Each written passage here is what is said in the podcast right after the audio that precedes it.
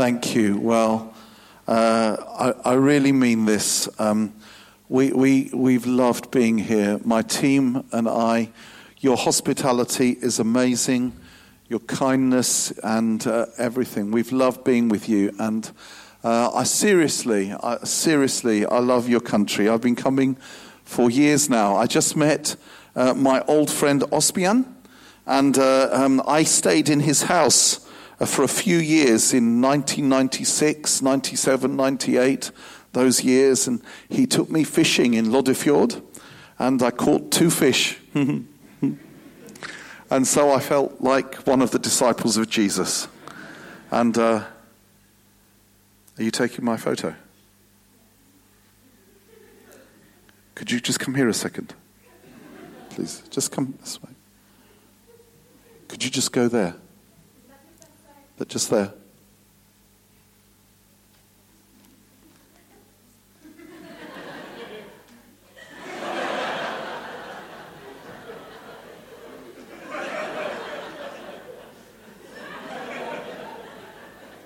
Is that it?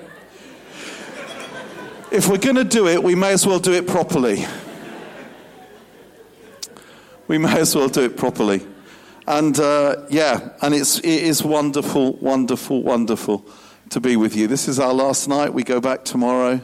And if you remember, seriously, do pray for us because although we're going to Hawaii on Tuesday, I think it's a lot of work at the conference. And, and we're doing three conferences in New Zealand and then uh, just going to an amazing, amazing uh, children's village for AIDS orphans in South Africa called Live, which friends of mine started, and it is it's the, almost the nearest place to heaven on earth, apart from Bergen, of course, uh, that I know. Just a beautiful place where Jesus is loved, and where children who had no hope are given hope, and where they had no future, they're given a future.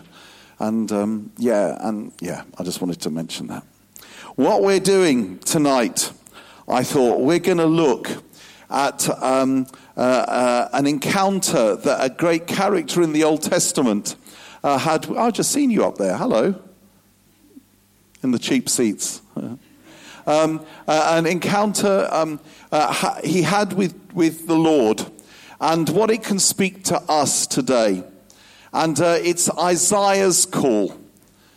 Isaiah, the great Old Testament prophet, in Isaiah chapter 6, he says this In the year that King Uzziah died, I saw the Lord high and exalted, seated on a throne, and the train of his robe filled the temple. Above him were seraphim, each with six wings. With two wings they covered their faces, with two they covered their feet, and with two they were flying. And they were calling to one another. Holy, holy, holy is the Lord Almighty. The whole earth is full of his glory. At the sound of their voices, the doorposts and thresholds shook, and the temple was filled with smoke. Now, if Isaiah was a nobleman in Israel, some say he was a minor royal in Israel. And uh, as such, he would have gone to the temple regularly. Some commentaries say he probably was in the temple every day of his life. He had been there many, many times. He'd been going to church regularly, if you like. And then there came a day when he saw the Lord, a day when he encountered the Lord, a day when everything changed for him. And he can name the day. It was in the year that King Uzziah died. I saw the Lord. I had a revelation of what he was like. And it was wow. It was wow. I saw the Lord and he was high and lifted up. The train of his robe filled the temple. Angels were crying, Holy, holy, holy. You know, the first thing that needs to happen if we're to live for Jesus and serve Jesus, if we're to live for the Lord and serve the Lord, is we need to have a revelation, an encounter. There has to come a moment when we see him, when we see him as he is. Because if we don't do, if that doesn't happen at the beginning, anything we do for him is like, is like, is like a business transaction. Christianity at its heart is a relationship. It's a relationship with a person. It's not a religion. It's not a set of rules and regulations. It begins and ends with a relationship. And, and, and revelation is so important. Do you know how many times Paul prayed for people that they would have revelation? All you have to do is read the letter to the Ephesians. He says, I pray that the eyes of your hearts would be opened, enlightened, so that you might know the hope to which he has called you, his glorious inheritance in you, the saints, and his incomparably great power for us who believe. And then he says, I pray uh, that, that you would have revelation to see the length and breadth and height and depth, and to know the love of God, which is beyond knowledge, so that you might be filled to all the fullness, at the measure of the fullness of God, so that you might know, so that you might know. For Isaiah, there came a moment when everything changed. And for Isaiah, it was a wow moment. When you really see the Lord, when you really, when you really encounter him, it's like, oh, it takes your breath away. It takes your breath away. Now, I had, um, I, I, you know, it, it's hard to find a, a human example that will illustrate this. This is the best I can come up with. Um, I'd seen photos for years of the Grand Canyon in Arizona. I'd even seen a documentary about the Grand Canyon. I met a couple of people who told me about the Grand Canyon, and they said it was very good. They witnessed to me about the Grand Canyon. And I thought from the photos, I thought from the documentary, I thought from what people say, this looks pretty good. And then one day, uh, I was in Los Angeles uh, with a colleague speaking at a conference, and there were three days off. And I said to my friend, We've got three days why don't we hire a car and drive to the Grand Canyon? Let's do it. So we hired a car and we started driving to the Grand Canyon. As we started driving, we realized it was further than we thought. We had to go across California, through Nevada, and into Arizona. And it was a 10 hour drive. After five hours, I started to get very frustrated. I said to my friend, What are we doing? It's 10 hours to get there, and then it's going to be 10 hours to get back.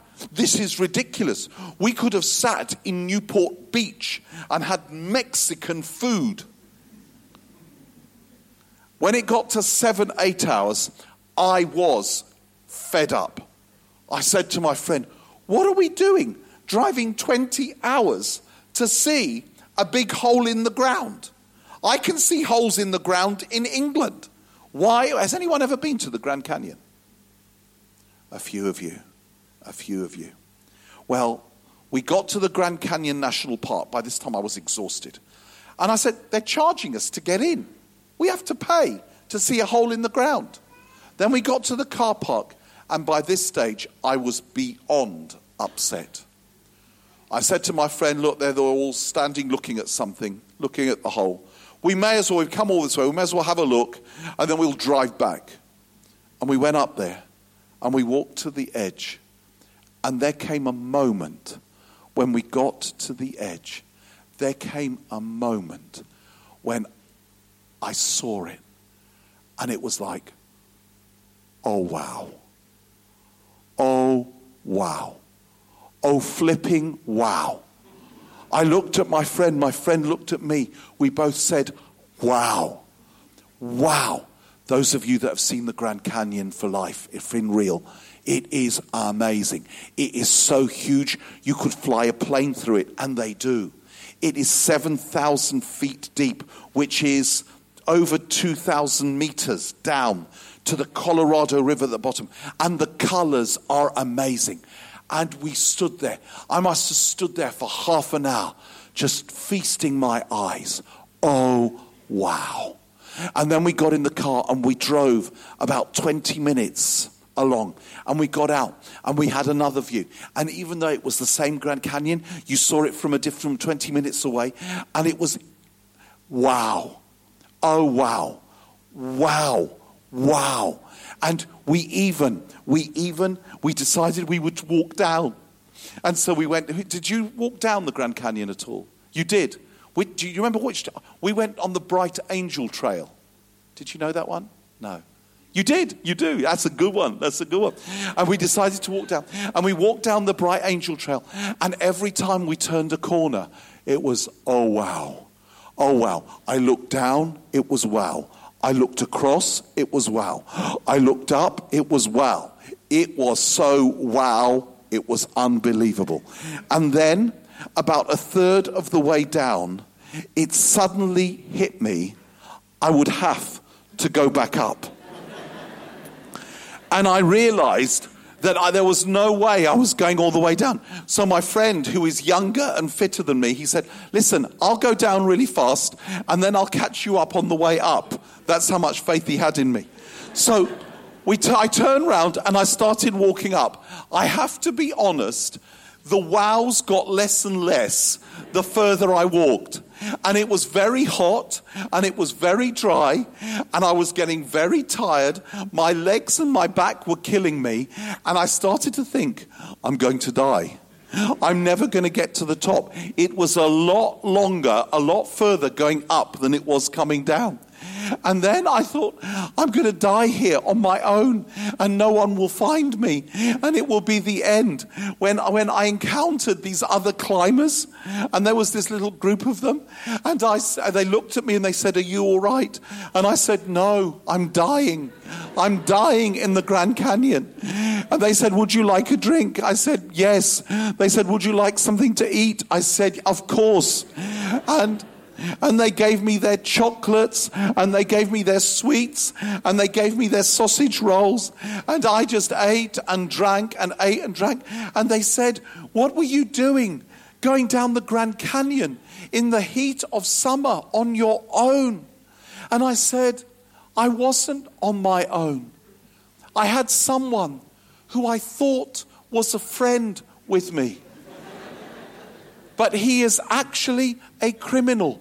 He brought me down here and then he abandoned me to die. He is a murderer.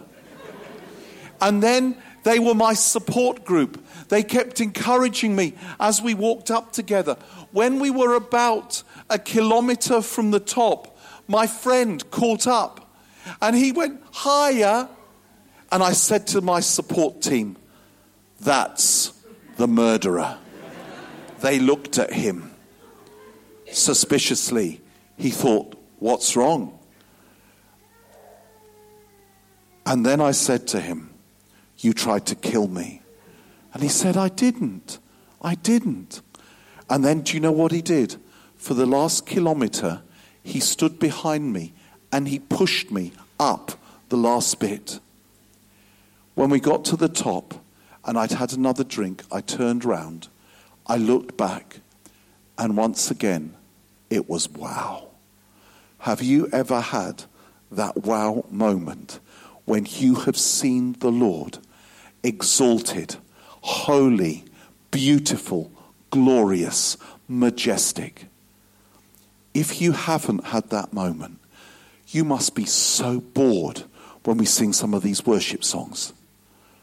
If you haven't had that moment, if ever you've tried to do evangelism, it must be more like being an insurance salesman than being a lover. It begins with a wow, but then it goes from the wow to the woe. Do you see what I did there? The title of this talk is Wow, Woe, Go. Clever, huh? It goes from the wow to the woe. Listen to what he says in verse 5. Woe to me, I cried, says Isaiah. I am ruined, for I am a man of unclean lips, and I live among a people of unclean lips, and my eyes have seen the King, the Lord Almighty. Then one of the seraphim flew to me with a live coal in his hand, which he had taken with tongs from the altar. With it he touched my mouth and said, See, this has touched your lips, your guilt is taken away and your sin atoned for. When he saw the Lord, the beauty, the majesty, the perfection, The next thing he says is, Woe is me. And do you know what he says? For I am a man of unclean lips, and I dwell among a people of unclean lips. Do you know what would have been Isaiah's pride and joy up till that moment? His lips. He was known as the golden tongued prophet. If you read the book of Isaiah, it has some of the most beautiful language in the whole Bible. He was the great orator of Israel. He would have been proud of his language, of the way he spoke. And when he saw the Lord, suddenly it was, Woe is me. For, I, for the thing that I was most proud of, the thing that I was, I was best at, even that, I am a man of unclean lips, and I dwell among a people of unclean lips. How did he know? For I have seen the King, the Lord Almighty. Now, I mentioned Ospian earlier on. Where is Ospian? Where are you? Ospian? He's at the back. Can you just come to the front here quickly, please?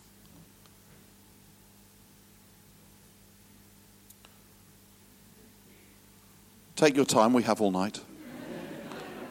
Come here. Now, just turn round so they can see you. Turn round, look at him. Now, I have known this man for years. And I just need to say something. I think you better go back for what I'm about to say. I need to. I need to say something about him. And I'm just going to be honest. Ospian used to be very, very arrogant. So big headed, it was unbelievable. And the thing he was arrogant about was his body. He used to stand in front of a mirror saying, Oh my goodness, what a body I have. What a hunk I am. What a, what a, what a piece of meat I am. No wonder my wife can't keep her hands off me. No wonder or, uh, women faint when they see me. And he would take his top off and he would stand in front of the mirror saying, Look at my body. Oh my goodness. And he would spend hours admiring himself. And then something happened to Ospian to change all of that. He met me. And when he saw me, he said, Woe is me, for I am a man of puny body, and I live among people of puny bodies. For I have seen an image of perfect masculinity. I have seen perfect manhood. And suddenly I realize that the thing I was most proud about is nothing. That's what happens when you see the Lord.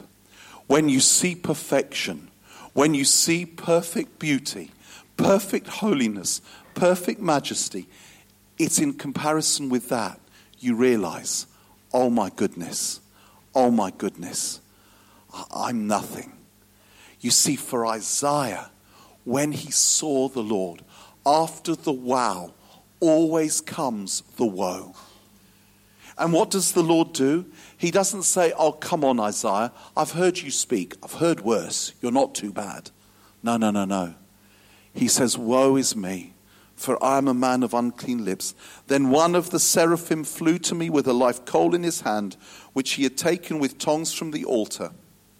With it, he touched my mouth and said, See, this has touched your lips. Your guilt is taken away, and your sin atoned for. Where did the coal come from? The coal came from the altar. It came from the altar. That which cleanses us comes from the altar, from the place of sacrifice. Where's the altar? The altar is the cross of Jesus. See, from the cross of Jesus, you are cleansed.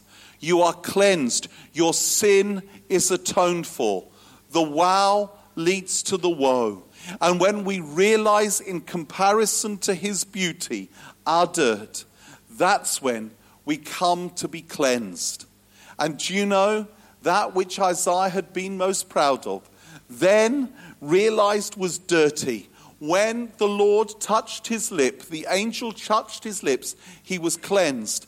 And then for the rest of his life, he used his lips, he used his oratory, he used his mouth to speak the words of God to Israel and to us thousands of years later.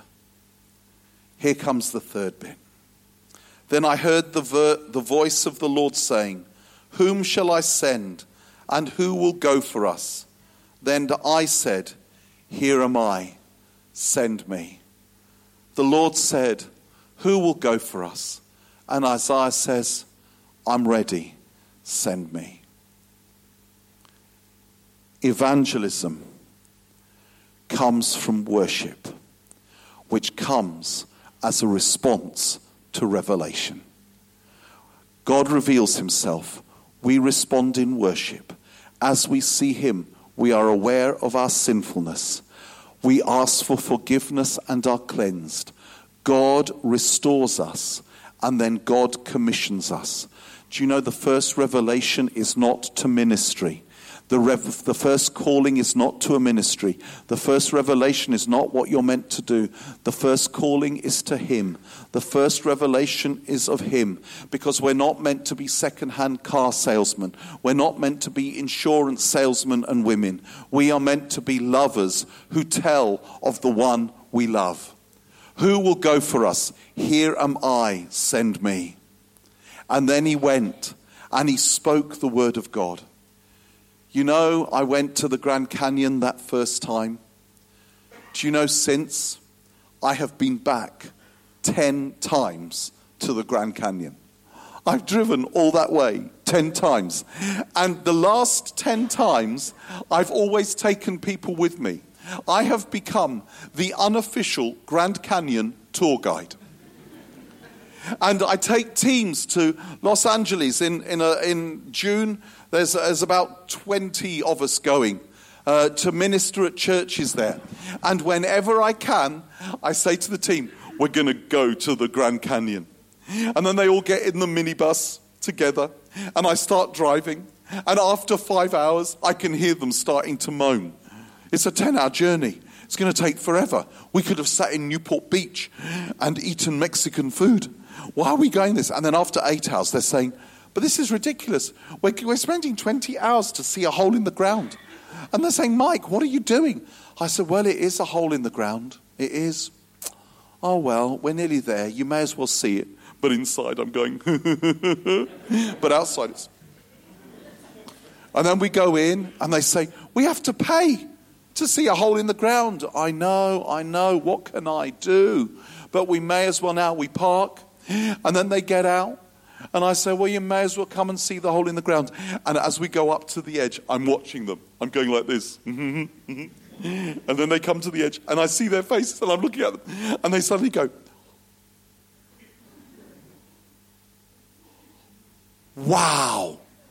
Oh, wow. And I'm going, yeah, wow, see, see, wow, yeah, hole in the ground, wow, yeah. And I'm loving watching them going, wow. I'm loving it. Just like I loved it last night when we saw a whole bunch of young people go wow when they met Jesus. And I'm looking at them, and they're all going, wow, wow. And I said, yes, right. And then after a while, I think, do you know? I may as well have a look myself. And then I have a look, and do you know, however many times I see it, every new time, it takes my breath away. Oh, because you see, I forget.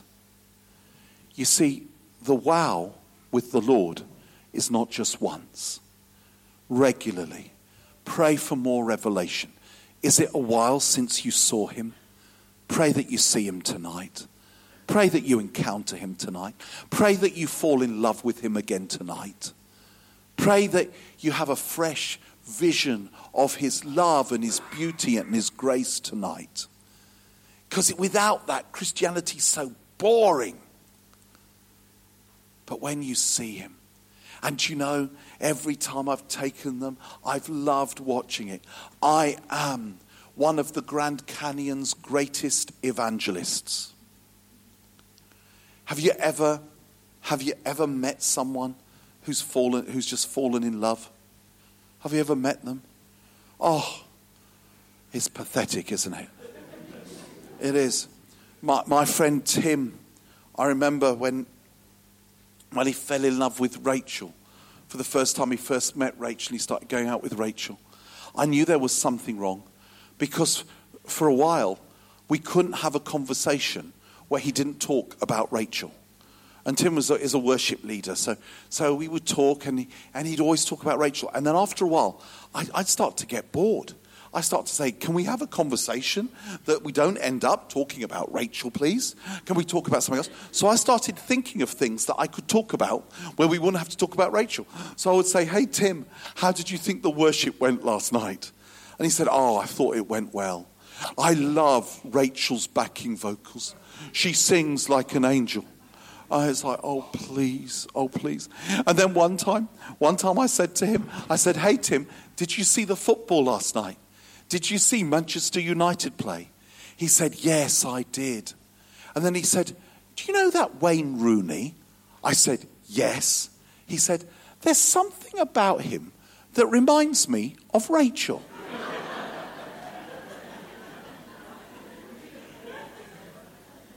it was like, for goodness sake, shut up. Now, do you know, nobody said to Tim, Tim, now that you've met Rachel, now that you've seen the beauty and the wonder that is Rachel, you have to tell everyone about Rachel. Tim, you mustn't let anyone die not knowing about Rachel. Tim didn't go around thinking, oh no, I've got to talk about Rachel again today. I've got to tell people about Rachel. This is so embarrassing. He didn't think that. He couldn't shut up. That's how we're meant to be. It's you talk about what you love, don't you? I talk about food all the time. You talk about the things that you love, don't you? When you love him, it's not a job you do. It's not a, oh, how many how many, how many not, how many sales can I get for Jesus? It's not like that. I want you to know the one I know. I want you to love the one I love. Because when you see the one I see, you will love the one I love. Because the one I love is irresistible. He is our creator and our sustainer. Do you know God, the church of Jesus, does not need any more salespeople. It doesn't need any more, any more people who know loads about lighting and sound and efficiency and, and explosions and techniques and this and that. What the church needs more than anything, and I don't have a problem with lights and sound and explosions and smoke machines. It's, it's just the modern version of the cathedral. You know, you know, we had stained glass windows. Now we have these. It's the same thing. We, have, we had incense. Now we have smoke machines. It's the same thing, less smelly, but it's the same thing.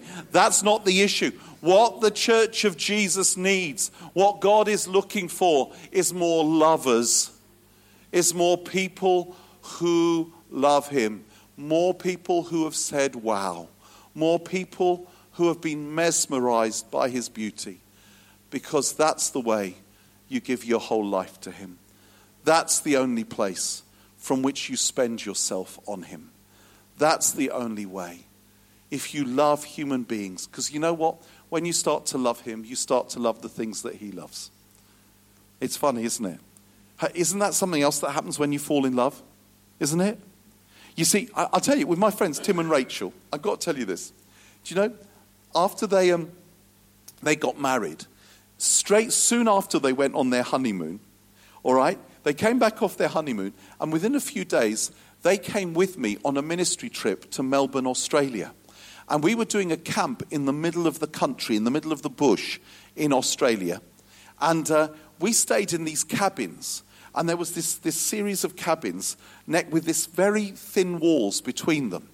And they stayed in one room, and I stayed in the next room. And we were in the middle of nowhere. There was no sound, there was no TV, there was no radio, and the walls between us were very thin. And it is amazing what you can hear late at night through very thin walls, especially if you have a glass up against the wall.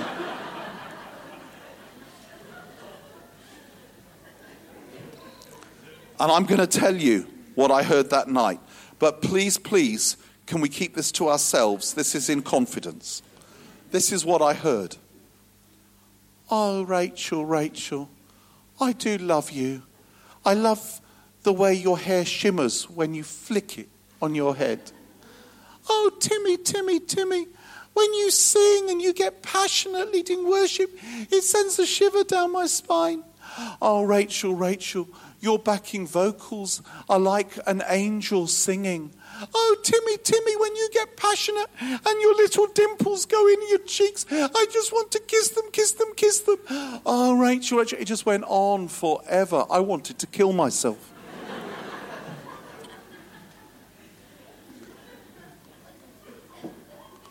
what were they doing? It was worship.